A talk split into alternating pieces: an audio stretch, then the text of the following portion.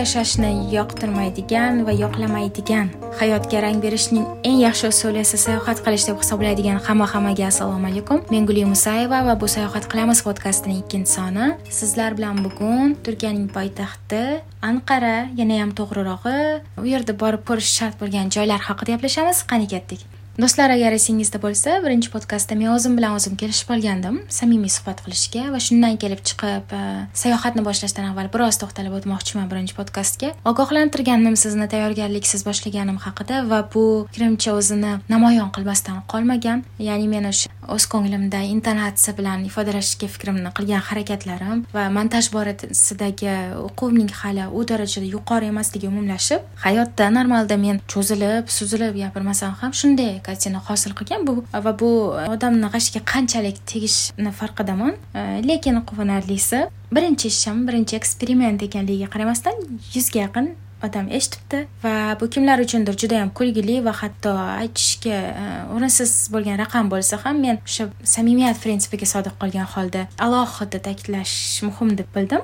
Negaki yangi ishga qo'l urgan va tamoman boshqa narsa bilan shug'ullangan inson sifatida yangi yo'lni boshida turgan inson sifatida bu men uchun juda ham muhim va yoqimli. Qolaversa o'sha eshitganlar orasida men uchun fikri muhim bo'lgan xato va kamchiliklarimni tushunishga aqli yetadigan lekin davom ettirishni tavsiya qilganlar borligini bilgan inson sifatida juda yam e, ahamiyatli bo'ldi.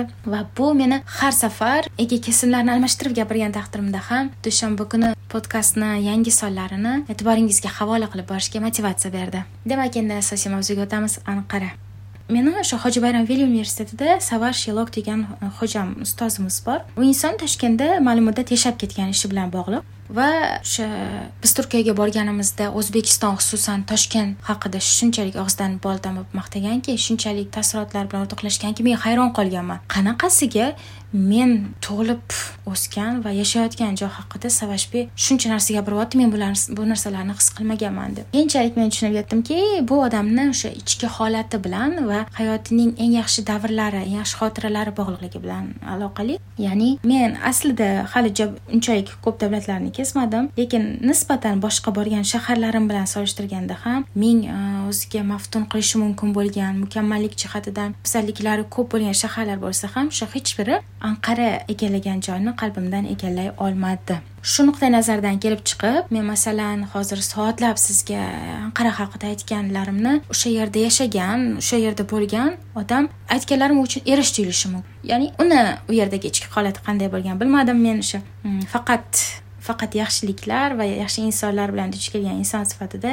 ikkita vyuspda anqara haqida gaplashishga qaror qildim. Ya'ni bu safar siz bilan o'sha masfiziy joylar haqida gaplashsak keyingisida bu yerda o'quvchi bo'lish turmush tarzi insonlar va boshqalar boshqa narsalar haqida muhokama qilishimiz mumkin. Anqaradagi mas vizit joylari ro'yxatini men o'sha mustafo kemal ataturkning qabri va muzeyi joylashgan anit qabr bilan boshlayman. Agar siz arxitekturaga qiziqsangiz qolaversa tarixga befarq bo'lmasangiz va bir vaqtni o'zida o'sha bepul chiroyli joylarni aylanishni yaxshi ko'radigan bo'lsangiz to'g'ri anit qabrga boravering chunki u yerda muzeylar aylanish mashinalar kolleksiyasini ko'rish va otaturk bilan bog'liq ma'lumotlarni yozma rasmdan va videodan olishdan tashqari hududdagi bog' bog'ni bemalol kezishingiz mumkin. Arxitekturasi alohida masala. Qanaqadir rimga xos e, o'ziga xos unsurlar borligi baland purqor qo'r deymizmi salobatli deymizmi ustunlar devorlar devordagi ikonografiyalarning borligi va o'sha ustunlar orasidan shaharning zamonaviy manzarasini ko'rinib turishi o'sha turkiyaga ta'rif bergandek bo'ladi. Ya'ni sharq va g'arb uyg'unligi eskilik va yangilik umumlashmasi. Bu u yerni shunchaki bir qarab o'tib ketish emas soatlab tomosha qilishga undaydi. Do'stlar anit kabirdan chiqqach sizga o'sha shaharning eski qismi ulus tomon yo'l olishingizni maslahat bergan bo'lardim. Chunki men sizga hozir aytmoqchi bo'lgan destinatsiyalar aynan o'sha ulus tarafda joylashgan. Ulus juda ham o'ziga xos chunki u yerga borganda birdaniga siz bozorga kirib chiqishingiz mumkin turkni zafar haykali bor g'alaba haykali uni atrofini aylanishingiz mumkin maydon bo'ylab tepaga yurib chiqib ketaversangiz ankara castle bor. Aslida do'stlar istanbul bilan solishtirganda siz anqarada turkcha koloritni har doim ham his qilavermaysiz chunki yevropalashib ketgan e, ancha yevropalashgan insonlari masalan istanbuldagidan keskin farq qiladi degan bo'lardim. Hamma o'zi bilan o'zi ovora birov bilan birovni ishi yo'q. Lekin aynan shu ulus tarafga yo'l oladigan bo'lsangiz siz o'sha koloritni his qilasiz. O'sha ulusda bozor bor u yerni odamlari ham уже markazdagilardan ancha farq qiladi. Gaplashgisi keladigan gapga solgisi keladigan qanaqadir odam odamshnavanda deymizku shunaqaroq. E, qolaversa o'sha ankara kaslga chiqib ketaverishda e, eski tor ko'chalar bor o'sha derazalari is bosgan chang bosgan lekin qanaqadir o'ziga xos ko'rinadi.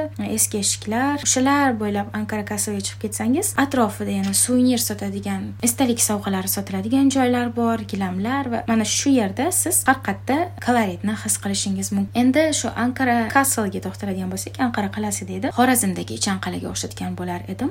Negaki uni ham tashqi va ichki devorlari bo'lgan himoya maqsadida qurilgan uni barpo etilishi o'sha ayrim manbalarda miloddan avvalgi yettinchi asrga borib taqalishi aytiladi. Frik kipriklar qiroli midas tomonidan uni buyrug'iga asosan qurilgani aytiladi. Atmosferasi juda ham o'ziga xos muzikalar qo'yib qo'yishgan odamlar kirib chiqib yuradi. Sayyoh ko'p sayyohdan mahalliy aholi ko'p. Tepaga chiqib kaftdek ko'ringan anqarani tomosha qilishadi. Ha yana bir narsa e, ankara kaslga chiqib ketaverishda yo'lda e, muzeylar bor va u muzeylarni ko'zdan qochirmaslikni tavsiya qilgan bo'lardim. Chunki biz e, shunday qilib vaziyatni qo'ldan boy berib qo'yganmiz. Birinchi borganimizda albatta borib ko'rish kerakligi aytiladigan anadolu madaniyatlari muzeyi bor edi. Biz o'sha birinchi safar borganimizda hozir kaslni ko'rib chiqaveraylik qaytishda ko'ramiz deb tepaga chiqib ketdik va tushni boshqa tarafdan tushganimiz uchun qaytib o'tmadik keyingi safar уже borganimizda э, remontga yopilgan ekan. Shu bilan kirish nasib qilmadi bizga. Shuning uchun yo'l yo'lakay birinchi muzeylarga kirib turib keyin o'sha kasl tomon ko'tarilish haqida o'ylab ko'ring. Ankara kasldan keyin borish tavsiya qilinadigan navbatdagi joy do'stlar bir vaqtlar qamoqxona bo'lgan va hozir muzey sifatida faoliyat yuritib keladigan jazo evi mahbuslarni ovozi o'sha o'yib yozilgan yozuvlar qanchadan qancha insonlarni sog'inchi so'ngan umidi dardi va pushaymonligi qiynov va azoblarga guvoh bo'lgan devor eshiklar bularni hammasi o'sha muzeyda mujassam. Endi biroz ma'lumot berib o'taman tarix haqida. Aslida o'sha bir ming to'qqiz yuz yigirma beshinchi yilda qurilgan e, sakson bir yil faoliyat yuritgan bo'lsa shundan keyin ikki ming oltinchi yilda yopilgan. Ungacha u yerda siyosiy mahbuslar jurnalistlar e, yozuvchilar saqlangan. Keyin muzey sifatida ikki ming o'n birinchi yildan boshlab ochilgan. Siz shu qamoqxona hovlisiga kirishingiz bilan jazo muddatini o'tagan taniqli shaxslarni rasmlarini ko'rishingiz mumkin. Ichkari xonalarda ularni biografiyasi bilan tanishishingiz mumkin. E, yana buyumlargacha shunchalik e, живойga o'xshatib qo'yilgan qo'yilganki siz hozir men rostdan ham qamoqxonada aylanib yuribman deb o'ylab qolishingiz mumkin. Mumdan yasalgan haykallar ularni yuz ifodasi har xil hatto tasvirlangani qanaqadir hayratlantiradi sizni. Mahbuslarni har xil ish qilib o'tirganini ko'rishingiz mumkin bo'ladi. Kimdir uydan kelgan maktubni o'qiyotgan bo'ladi yana kimdir shunchaki tepaga qarab kun sanayotgandek e, tasvirlangan. Yana bittasi vaqtni o'tkazish uchun kitob e, varaqlayotgani eng asosiysi o'sha yuz ifodasiga qarab turib har holda ular haykal lekin kimdir taqdirga tan bergan kimdir tushkunlikka tushganini his qilasiz. Nozirlar ham bor o'sha mumdan yasalgan haykal orasida ular hamma narsaga tupurib qo'yib mahbuslarni qiynayotgandan mamnun etib tasvirlangan. Bilmadim bu o'sha kinolardagi syujetlarni esga soladi yana. Aslida shu har xil korpuslar bor e, va birini biridan chiqib turib ikkinchisiga kirishingiz mumkin bo'ladi. Ulardan bittasida shu tor koridordan kiraverishda bir kishilik xona ichkarisiga jazolanuvchi ko'rinishdagi mum haykallar qo'yilgan. Ularni o'sha eshik yopiq bo'lsa ham ovozlari eshitilib turadi. Ya'ni kimdir nola qilayotgani kimdir o'shqirayotgani qo'yib yubordi yana kimdir urmasligini so'rayotgani ovozlari tashqariga eshitilib turadi. Yana o'sha qamoqxonada nima bo'lsa hamma narsa borligini ko'rishingiz mumkin. Ya'ni o'sha Э, jinoyatchi osib o'ldiradigan doram hatto. Biz o'sha paytda ikki ming yigirmanchi yilda muzeyga yetti liraga kirgandik.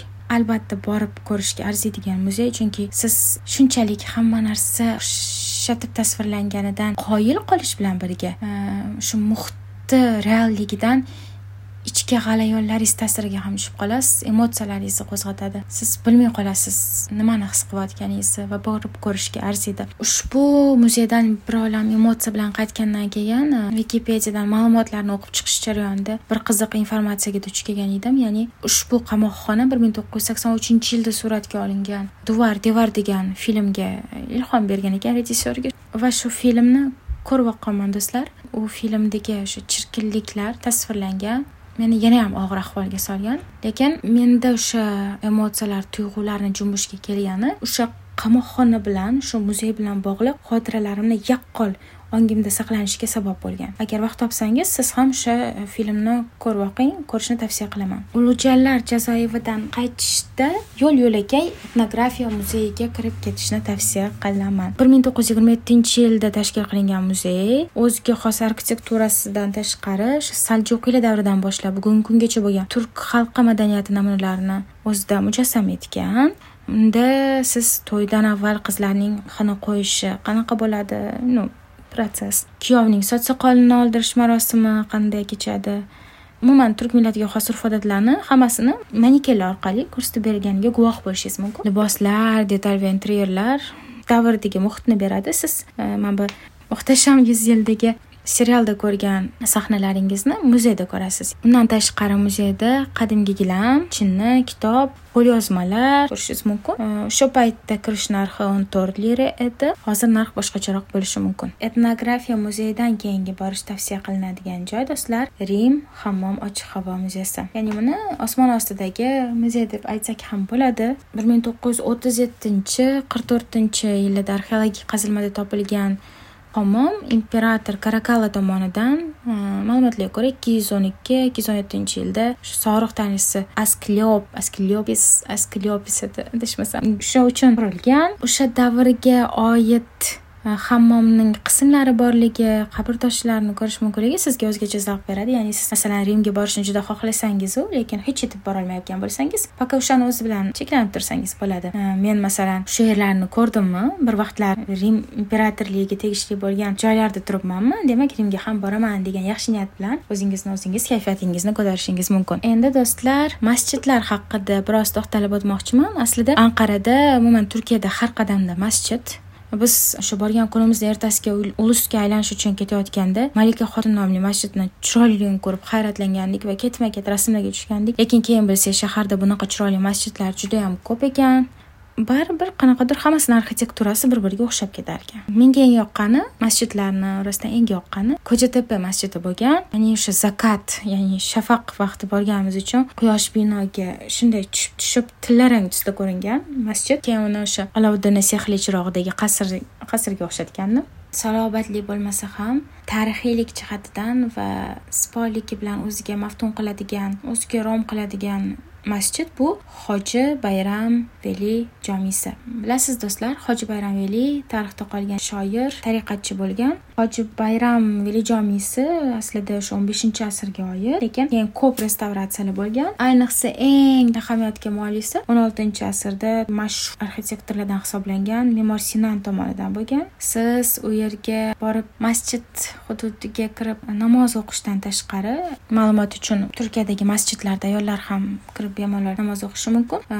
Esdalik uchun sovg'alar kitoblar kiyim kechaklar olishingiz mumkin. Chunki aynan shu masjid hududi hududida juda ham ko'p esdalik sovg'alari sotiladi. Bir vaqtni o'zida ham ibodat qilishingiz arxitekturasini tomosha qilishingiz sovg'a salom olishingiz va ovqatlanadigan joyi ham bor territoriyasida birato'la ovqatlanib bir olam taassurot bilan ketishingiz mumkinda xullas. Qolaversa o'sha hoji bayram veli masjidini hududida avgust tabinogi bor. Bu miloddan avvalgi yigirma beshinchi yigirmanchi yillarda barpo etilgani aytiladi ya'ni judayam tarixiy. Bu ham shu masjidni borib ko'rish uchun bitta sabab menimcha. Do'stlar endi mana o'sha tarixiy tarixiy turistik destinatsiyalar haqida gaplashdik. Siz vaqtingizni choh o'tkazishingiz uchun e, nima qilishingiz mumkin anqarada? Qiziloy alishverish markazi bor. E, Торговый центр deymiz. Bizdagi samarqand darvoza nextlarga o'xshagan. Siz kechasi bo'sh bo'ladigan bo'lsangiz shu qiziloy tarafga yo'l olavering. Chunki u yerni atrofida kafe restoranlar aylanadigan joylar juda ham ko'p. Kechasi yoshlar gavjum musiqalar umuman hayot qaynaydi qiziloy tarafda kechasi. Qiziloy chap tarafda bo'ladi. Keladigan bo'lsa uni o'ng tarafida pastroqda e, guven park bor. U yerda fontanlar yoqib qo'yishadi kabutarlar yuradi. Bemalol e, bahridilingizni ochishingiz mumkin bo'ladi. Aslida parklar juda yam ko'p genchlik parki va boshqa boshqa lekin e, bilasizmi nima? E, Anqarada bir ko'ngil yozish uchun yashillikdan bahramand bo'lish uchun alohida bitta parkka borishingizga hojat yo'q.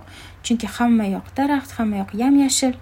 Э, siz э, yana ham qizig'i o'sha qiziloy tarafda kafe va restoranlar hammasi yonma yon joylashganiga qaramasdan hammasi odam bilan gavjum. Hammasini o'z mijozi bor. Yoshlarni bunchalik ko'pligi bunchalik soatlab suhbat qurishini ko'rib masalan siz o'ylab qolishingiz mumkin bular o'qimaydimi ishlamaydimi deb lekin bularni hammasi ishlashi ham o'qishi ham mumkin. Shunchaki toza havoda shahar markazida soatlab gaplashib o'tirishga qahva ichishga muzqaymoq yeyishga vaqt ajrata oladi ular va e, aslida bu ro'yxatni uzoq davom ettirishimiz mumkin mumkin edi. Lekin men asosan qisqa va borib ko'rish eng muhim bo'lgan joylarga to'xtalib o'tdim. Endi podkastning keyingi sonida demayman chunki ketma ket bo'lib qolib siz zerikib qolishingiz mumkin. O'rtadagi qaysidir sonlaridan birida qaradagi hayot aytganimdek odamlar bu yerdagi men duch kelgan eng qiziq voqealar haqida aytib beraman. Agar sizga shahar bilan bog'liq ozgina bo'lsa ham ma'lumot bera olgan bo'lsam bu yerga qiziqish uyg'otib olgan bo'lsam men bundan juda ham xursandman.